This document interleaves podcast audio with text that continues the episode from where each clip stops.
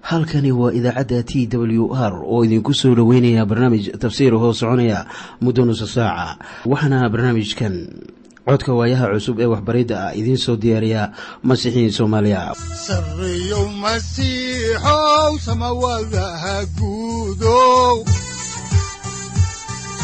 Siraadkii adduunkow subanaha eebow sareyow masiixow samawadaha guudow siraadkii adduunkow subanaha eebow adigoo samada jiro ifkan soo saldhiganba adigoo samada jiro ifkan soo saldhiganba kutubtiisanaye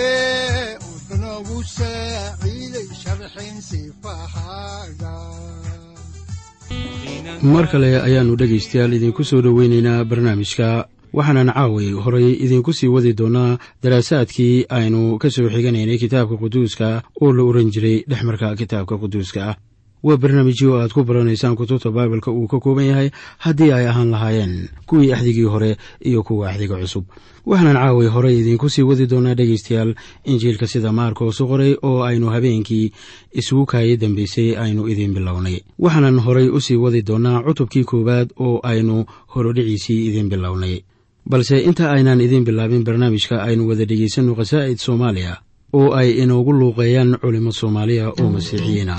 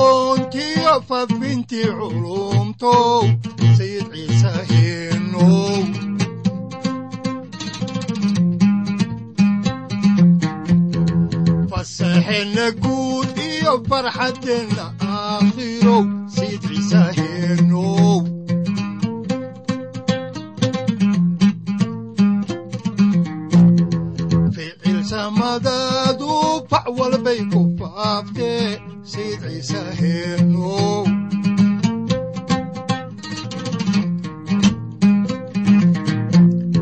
furihii iftiinkiyo fahmadii aqoontow sayid ciise heenow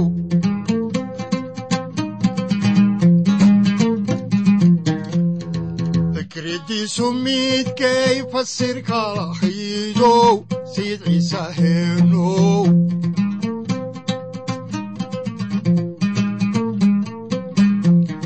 faaqiidada diimeed foolkii u ahaayow sayid ciise heenow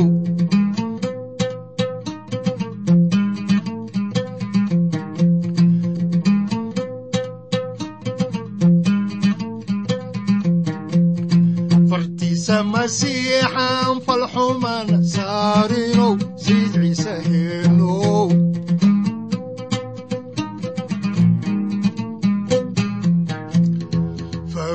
ciise midkan fisqi ku shidinow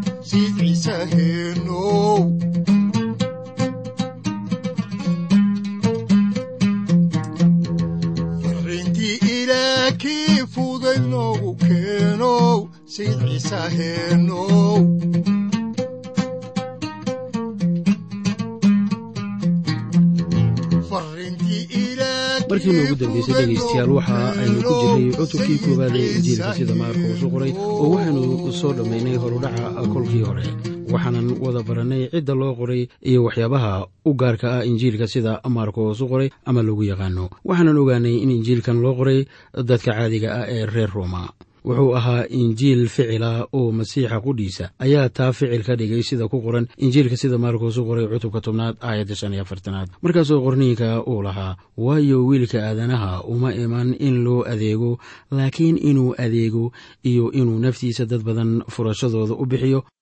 Waxaa loo sheegayaa haddaba shacbi weynihii reer rooma ku hoos jiray xukunkooda in masiixu ficil ku shaqeeyo. Waxaa kaloo aan soo aragnay in injiilka sida matayos u qoray oo aynu wakhti ka hor soo barannay lala hadlayo dadka yuhuudda ah. Waxaana iyaga loo barayaa masiixa inuu ahaa sida boqor waxaana lagu bilaabay injiilka isaga ah abtirka masiixa. Waxaana abtirka sayid ciise uu gelayaa oo kale nebi ibraahim. Waana tan ay tahay in cibraaniyadu ay ogaadaan ha yeeshee reer roma iyo qabiilada kale ee aan ibraahim ka soo farcamin amase israa'iil qiimi uma lahan abtirka laakiin waxaa iyaga qiimi u leh faa'iidada nolosha daa'imka ah ee lagu helo masiixa meel waliba ee abtirkiisu ka yimaadaba. Haddaan markaa iminka bilowno qisada injiilka ku qoran ayaa waxaa wanaagsan inaannu ilaah weydiisanno inuu xiriir wacan inuu la sameeyo masiixa waxaanan ku arkaynaa qisadan injiilka sida maarkos u qoray sayid ciise masiix qudhiisa ha yeeshee arkidda aynu masiixa iyo wixii uu inoo sameeyey iyo waxbariddiisa aynu arkayno way ina badbaadinaysaa. Laakiin waxaa ina dhaqaya hadba sida aynu uga munaaqishoonno waxbariddiisa haddaan markaa horay idiinku sii wado dhegaystayaal meeriska cutubka koowaad ee injiilka sida maarkos u qoray ayaan haatan meeriska ku bilaabaya cutubka koowaad aayadaha hal ilaa saddex waxaana qoran sida tan. Kani waa bilowgii injiilka ciise masiix oo ah wiilka ilaah. Tanuna waa wixii nebi aisayos qoray. Eeg waxaan hortaada soo dirayaa wargeeyahayga. Kan jidkaaga diyaar garayn doona. Waa codka kan cidlada kaga dhex qaylinaya jidka rabbiga hagaajiya waddooyinkiisa toosiya. Haddaba bilowga laynoogu sheegayo qisada kore. Maahan yuxanaa iyo ciise tona. Waxaase qidcadu ay ka hadlaysaa bilowga injiilka oo ah markii sayidkeenna ciise masiix uu yimid dunida oo lagu qudbay isku tallaabta oo uu dabadeetana dhimashadii ka sare kacay. Kaasina saaxiib waa injiilka masiixa. Saddex bilow ayaa haddaba ku qoran qorniinka quduuska ah ama baibalka. Haddaba saddexda bilow ee qorniinka laynoogu sheegayo aynu sidii ay isugu xigxigeen ama u kala horreeyeen idinku kala qaadno marka koowaad ee laynoogu qoray bilow kitaabka baibalka kaasoo ah bilow aad iyo aad u horreeya ayaa waxaa laga helayaa injiilka sida yuuxanaa u qoray cutubka koowaad aayadda koowaad. Waxaa markan iyada a rasuul yuuxanaa uu ka hadlayaa bilowgii wax waliba. Bilowga isaga ah waa mid aanay maskaxda aadmiga qiyaasi karin. Waa bilow waa hore ahaa iyo wakhti aan dhoweyn. Kan yuuxanaa cutubka koowaad ku qoran markaasoo rasuulku uu lahaa bilowgii waxaa jiray hadalka hadalkuna waxa uu la jiray ilaah hadalkuna waxa uu ahaa ilaah waa bilow aan la qiyaasi karin ama ka fog qiyaasta aadmiga. Bilowga labaad ee laynoogu qoray qorniinka waxaa laga helaa ama uu ku qoran yahay kitaabka bilowgii oo ah kitaabkii koowaad ee uu qoray addoonkii rabbiga ee muuse ahaa. Cutubkiisa koowaad aayaddiisa koowaad markaasoo qorniinku uu lahaa bilowgii ilaah samada iyo dhulkuu abuuray waxaa halkan ka bilaabanaya wakhtiga aadmiga oo waxaa taariikhdu ay ka soo degtay wakhti daa'imisa waxaana ay soo gaartay wakhti la garanayo waana bilowgii dunida. Dadku waxa ay qiyaasayaan oo leeyihiin dunida waxa ay soo bilaabatay ku dhowaad saddex bilyan oo sannadood ka hor. Waxaannu haddaba ka garanayno waa wax yar xaalka ku taxalluuqa goortii dunida la aasaasay. Waxaanse ogaan doonnaa markii aynu isaga ka hor muuqanno haddaba sidaannu ku soo aragnay qidcadii kore ama saddexdii aayadood ee ugu horreysay ee injiilka sida maarkos u qoray ayaannu ku soo aragnay xigashada kitaabka axdigii hore oo yuxana maarkos soo xiganayo. Inkastoo injiilka aanay ku badnayn xigashada reer roma wax yar uunbay ka garanayaan waxyiga laakiin waxaa sidaa loo yeelay inay arkaan kan ay ka hadlayaan inaanu u baahnayn abtir. Laakiin uu u baahan yahay uun inay gartaan wixii laga yidhi isaga. Marka injiilka sida maarkos u qoray waxaannu ku arkaynaa iyadoo la soo xiganayo xig yar oo ka mida qorniinka ku qoran kitaabka axdigii hore uu xigashada kuma badna injiilkan. Waxaannu markaa ku bilaabaynaa injiilka wixii laga qoray kan masiixa jidka u diyaarinaya ee la oran jiray yoxanaa baabtiisaha haddaan horay idiinku sii wado haddaba meeriska ayaa waxaa ku qoran injiilka sida maarkoos u qoray cutubka koowaad aayadda afaraad sida tan. Waxaa yimi yoxanaa kan cidlada dadka ku baabtiisay oo ku wacdiyey baabtiiskii toobadda dembi dhaafka aawadiis. Si aynu hagaag ugu garanno aayadda ayaannu macnaha ereyada si kale idinku dhigayaa. Yoxanaa baabtiisaha waxa uu dadka ku wacdiyey toobadda iyo dembi dhaafka. Laakiin dadka kuma uu wacdiyin in dembigooda layska cafiyayo waayo cafiska dembiga ilaa horay buu dadka ugu diyaariyey waxaana horseed u ahaa ciise masiix. Ha yeeshee hawshii yoxanaa baabtiisaha waxay ahayd hawl diyaargaraysa oo loogu diyaargaroobayo imaanshaha masiixu uu dunidan imanayo. Ciise masiix waa kan dembiyada cafiyaya haddaan markaa horay idiinku sii wado meeriska injiilka sida maarkoos u qoray cutubka koowaad aayadaha shan ilaa lix. Waxaana qorniinka quduuskaahu leeyahay sida tan markaasaa waxaa u soo baxay dadkii yuhuudiya oo dhan iyo kuwii yeruusaalem oo dhan oo kulligoodna webi urdun ayuu ku baabtiisay iyaga oo dembiyadooda qiranaya.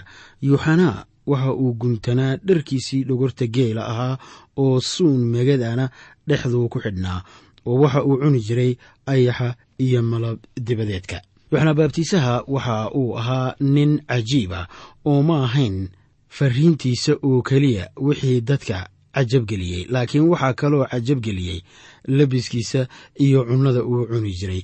Ninkan waxa uu ahaa waa yoxanaa baabtiisaha eh qabiilka reer laawi oo howshiisuna waxay ahayd inuu ka adeego shuqulka ka soconaya yeruusaalem ha yeeshee ilaah waxa uu isaga ugu yeeray iminka sida nebi oo kale oo waxa uu wacdiska ka bilaabay cidlada waxaa yoxanaa baabtiisaha uu tegey cidlada oo halkaa ayaa dadkii ugu iman jireen.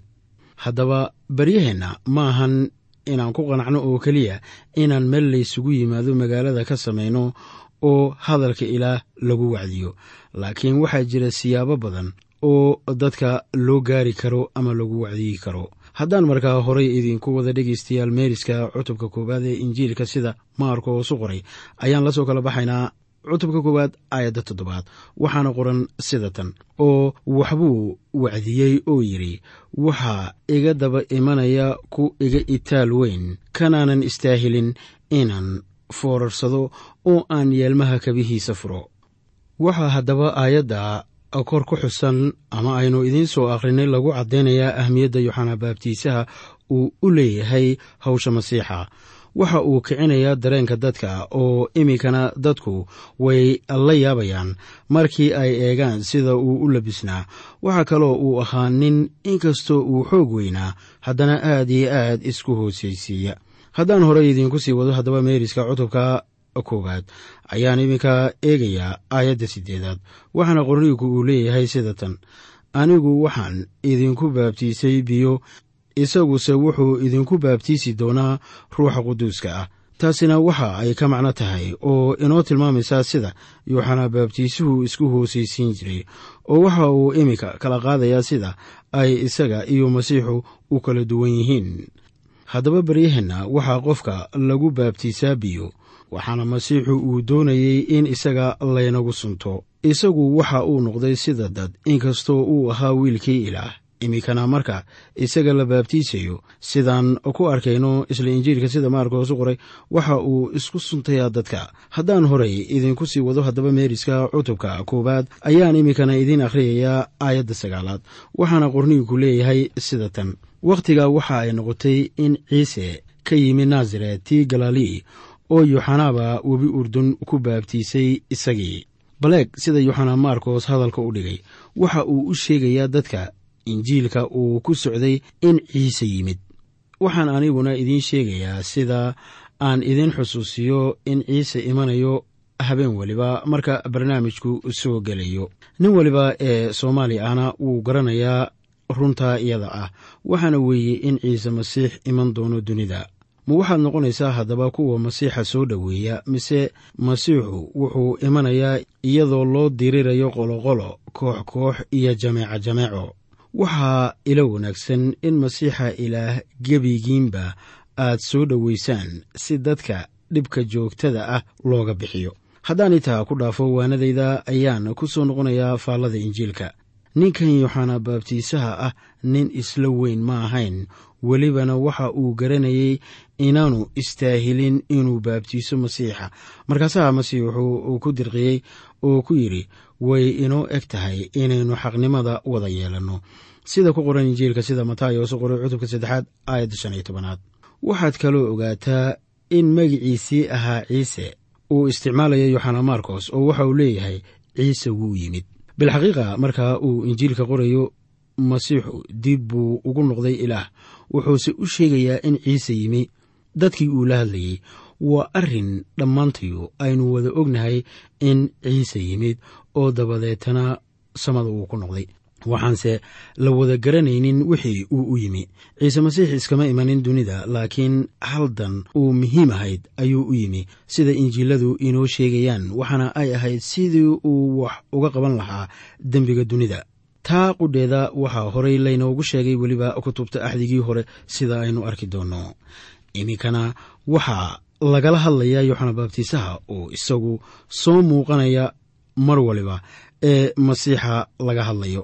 maxaa wacay isagu? Wuxuu ahaa kan xagga cillada kale jidka rabbiga hagaajiya waddooyinkiisa toosiya waxaa yoxana baabtiisuhu ahaa kii u diyaargaraynayey waddada boqorka imanaya oo ah ciise masiix haddaan horey idiinku sii wadno haddaba dhegaystayaal ameeriska cutubka koowaad ayaan iminka idiin akhriyayaa aayadda tobanaad ilaa tan koob iyo tobanaad.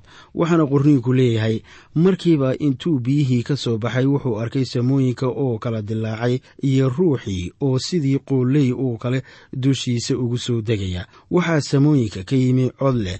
Adigu waxaa tahay wiilkayga aan jecelahay oo aan ku faraxsanahay waxaa aayaddanu si wacan inoogu tafsiiraysaa saddexnimada rabbaaniga ah. Waxaanan arkaynaa ciise oo biyaha ku jira iyo ruuxa quduuska ah oo sida qooley oo kale u soo degaya iyo weliba aabbaha oo xagga samada ka leh. Kanu waa wiilkayga aan jeclahay. Waxaa markaa laynu horkeenayaa saddexnimada rabbaaniga ah. Waxaan markaa arkaynaa in wax waliba ay si degdega isku beddelayaan oo yuxana baabtiisuhu wuxuu ahaa addoonkii ilaah isticmaalayey ilaahna waa kan ina baraya masiixa oo saxiix ka dhigaya waxa biyaha ku jira in uu yahay masiixiisii. Marka xiga waxaan arkaynaa isaga oo cidlada tegaya oo la jirabayo waayo waxaa la arkay inuu ahaa masiixii ilaah. Haddaan horey idiinku sii wadno haddaba meeriska cutubka koowaad aayadda labiyo tobanaad. Ilaa tan saddex iyo tobanaad ee injiilka sida maarkos u qoray ayaa waxaa qorniinka quduuskaahi leeyahay sida tan. Uu markiiba ruuxiiba xaggii cidlada u eryey afartan maalmood buu cidlada joogay. Shayddaan baana jirrabay oo waxa uu la jiray dugaagga malaa'iguhuna waa u adeegeen. Marka uu leeyahay ruuxiibaa xagga cidlada u eryey ayaa taasu ay ka macno tahay in la adkaynayo dardartii uu xagga cidlada ku tegey iyo in xaalku uusan sahlanayn. Waa howsha loo subkay ee waxaa haddaba isaga cidlada u kaxeeyey ruuxii rabbiga si bal loo jirrabo oo loo eego inuu is-hortaagi karo dembiga. Waana ahmiyad ballaaran tahay haddaba inaannu fahanno arrinka isaga ah ee uu cidlada u tegey iyo jirrabaadda. Waxaanan mar kale idin weydiinayaa miyaa masiixu howsha hortaalla gudan karaa? Dad badan oo ka horreeyey ayaa ku guuldarraystay oo jirrabaadda ka gudbi waayey awowgeen aadan ayaa ugu horreeyey.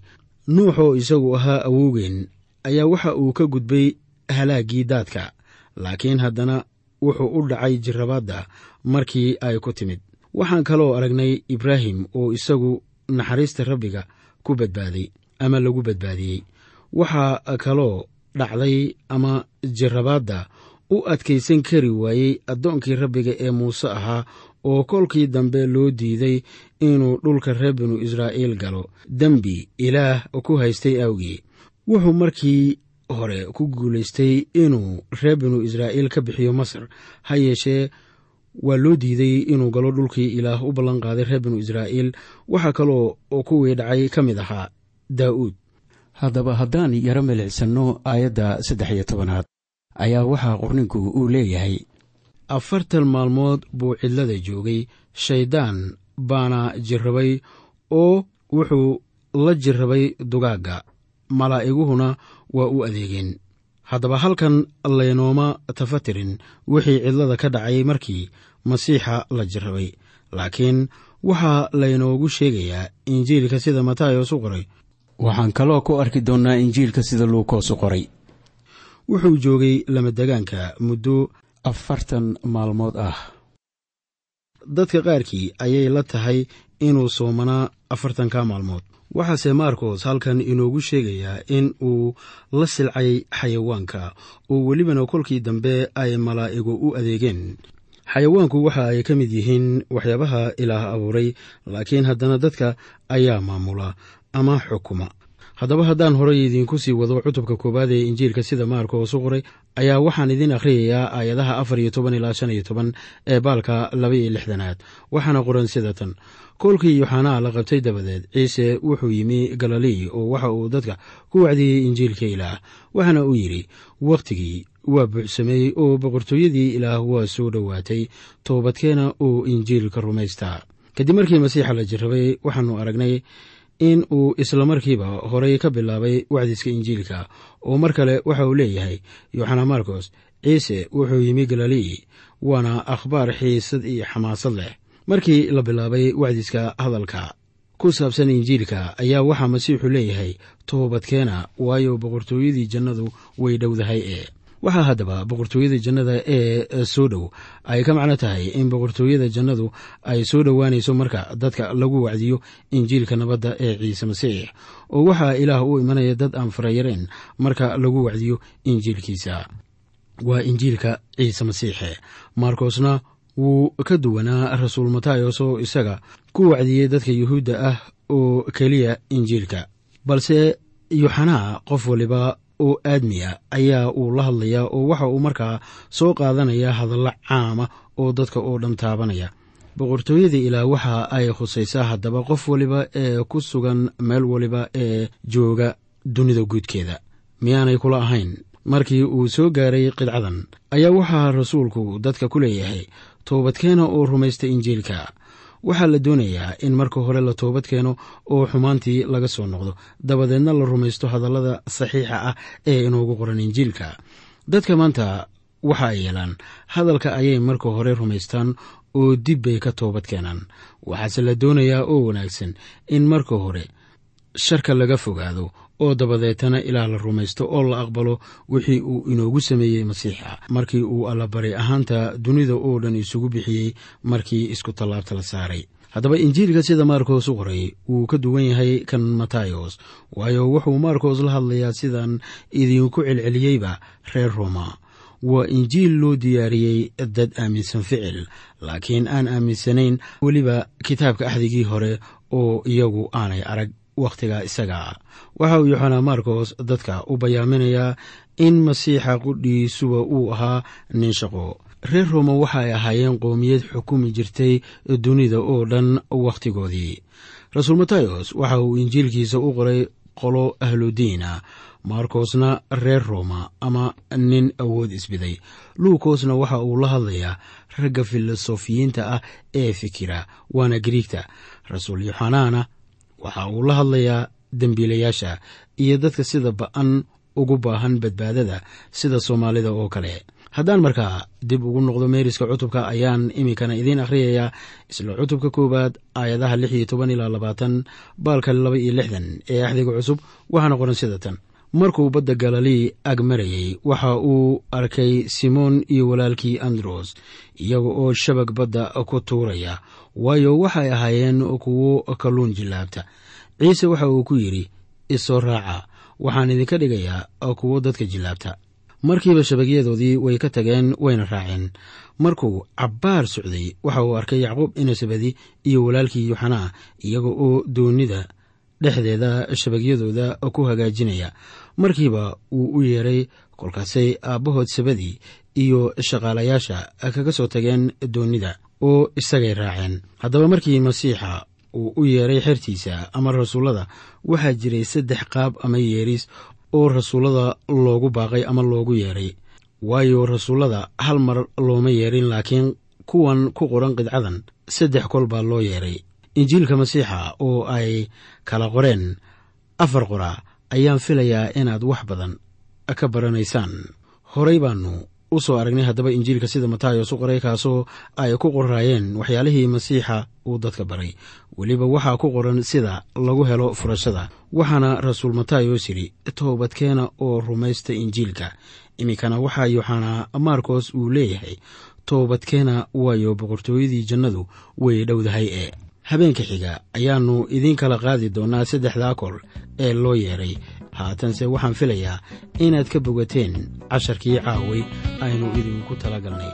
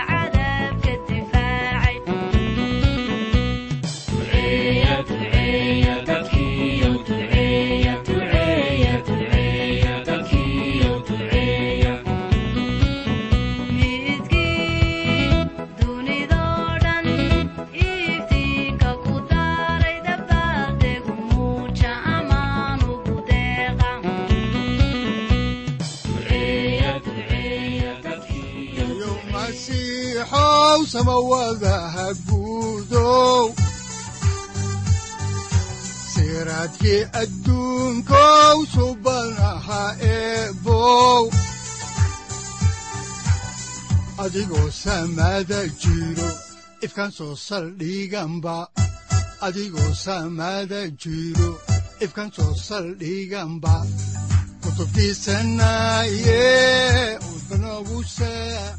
halkani waa t w r idaacadda t w r oo idinku leh ilaa ha idin barakeeyo oo ha idinku anfaco wixii aad caawi ka maqasheen barnaamijka. Waxaa barnaamijkan oo kalea aad ka maqli doontaan habeen dambe hadahan oo kale haddiise aad doonaysaan in aad fikirkiina ka dhiibataan wixii aad caawi maqasheen ayaad nagala soo xiriiri kartaan som t w r at t w r c o k e haddii aad doonaysaan in aad dejiisataan oo kaydsataan barnaamijka ama aad mar kale dhegaysataan fadlan mar kale booqo www t w r o r g amase waxaad teleefoonkaaga ku kaydsataa ama ku download garaysataa agabyada ku sahli karaa dhegeysiga t w r haddii aad doonayso in laga kaalmeeyo dhinacyada fahamka kitaabka amase aad u baahan tahay duco fadlan fariimahaaga soo mari bogga aaraahda ama kommentska inana jawaab degdeg ah ayaanu ku soo diri doonaa amase ku siin doonaaye